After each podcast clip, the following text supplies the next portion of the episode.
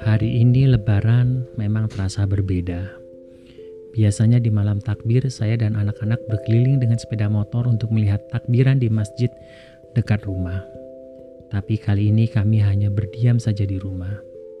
Sayup-sayup masih terdengar suara takbir dari masjid sekitar rumah. Tapi rasanya berbeda kalau melihat langsung ya.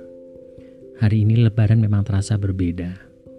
Biasanya di saat pagi kami semua sibuk bersiap ke lapangan dekat rumah untuk melaksanakan sholat id bersama warga sekitarnya.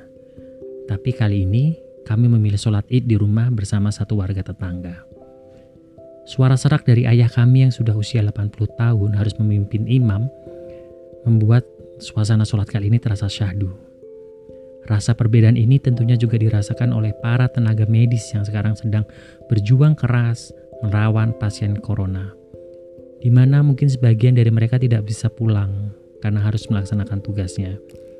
Perbedaan juga dirasakan kepada saudara-saudara kita yang rupanya menjadi korban PHK.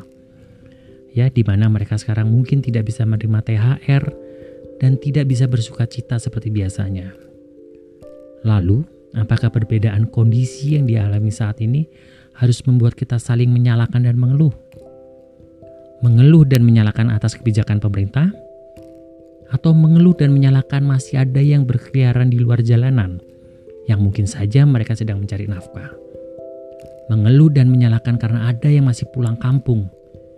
Mungkin saja mereka sudah tidak ada pekerjaan dan tidak bisa bayar kontrakan. Mengeluh karena sebagian orang mengeluh. Semua sosmed menjelang hari raya ini diisi dengan saling mengeluh dan menyalahkan. Lalu, di mana letak perayaan kemenangan hari ini? Buat saya hari ini merayakan lebaran harus dilandasi dengan rasa syukur dan empati. Bersyukur atas apa yang diberikan kepada Allah kepada kita. Serta berempati terhadap saudara-saudara kita yang sedang menjalankan tugas dan aktivitasnya tanpa harus mengeluh dan menyalahkan. Kunci syukur buat saya adalah selalu melihat ke bawah.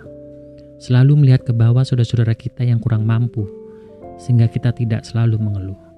Sedangkan kunci empati buat saya adalah selalu mencoba merasakan apabila saya menjadi mereka, kira-kira apa ya yang saya rasakan dan inginkan, sehingga kita mampu memahami pola pikir orang lain.